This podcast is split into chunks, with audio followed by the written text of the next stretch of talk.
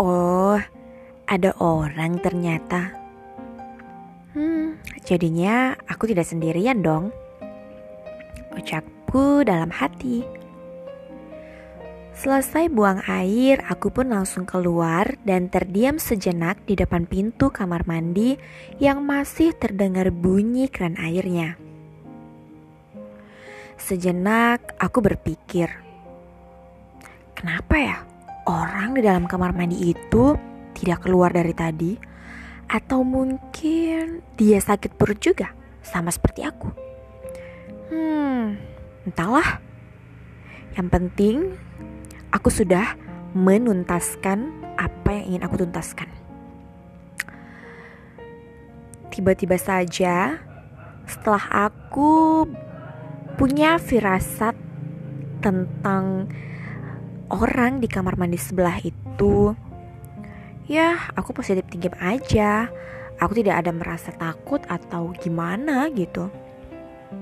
Tapi tiba-tiba saja hawa di sekitarku berubah menjadi dingin dan merinding serta sekilas aku melihat lorong yang menuju kamar mandi itu ternyata ada sosok seorang wanita memakai baju putih dengan rambut panjang terurai berjalan menuju arah ruangan sebelah di ujung sana.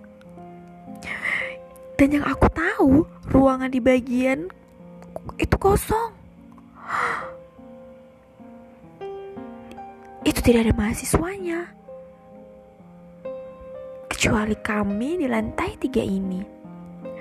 Aku saking penasarannya berlari mengejar wanita itu.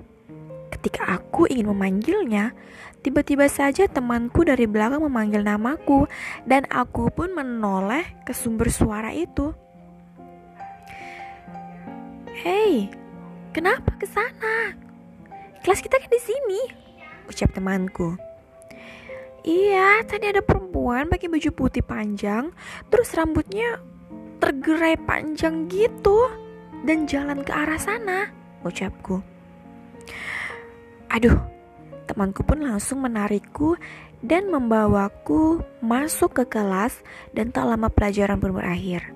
Setelah pelajaran berakhir, temanku pun menceritakan tentang kankeran kamar mandi lantai tiga ini.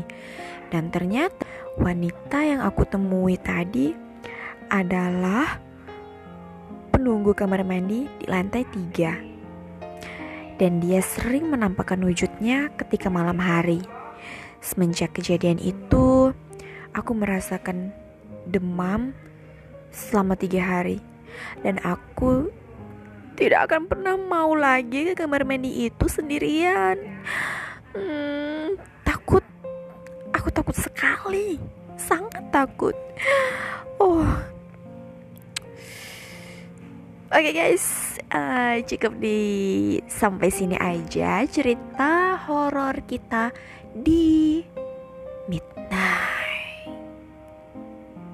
Semoga ini adalah cerita yang menarik untuk kalian dengar dan aku ucapkan terima kasih karena kalian sudah mendengarkan Midnight yang akan update setiap Kamis malam.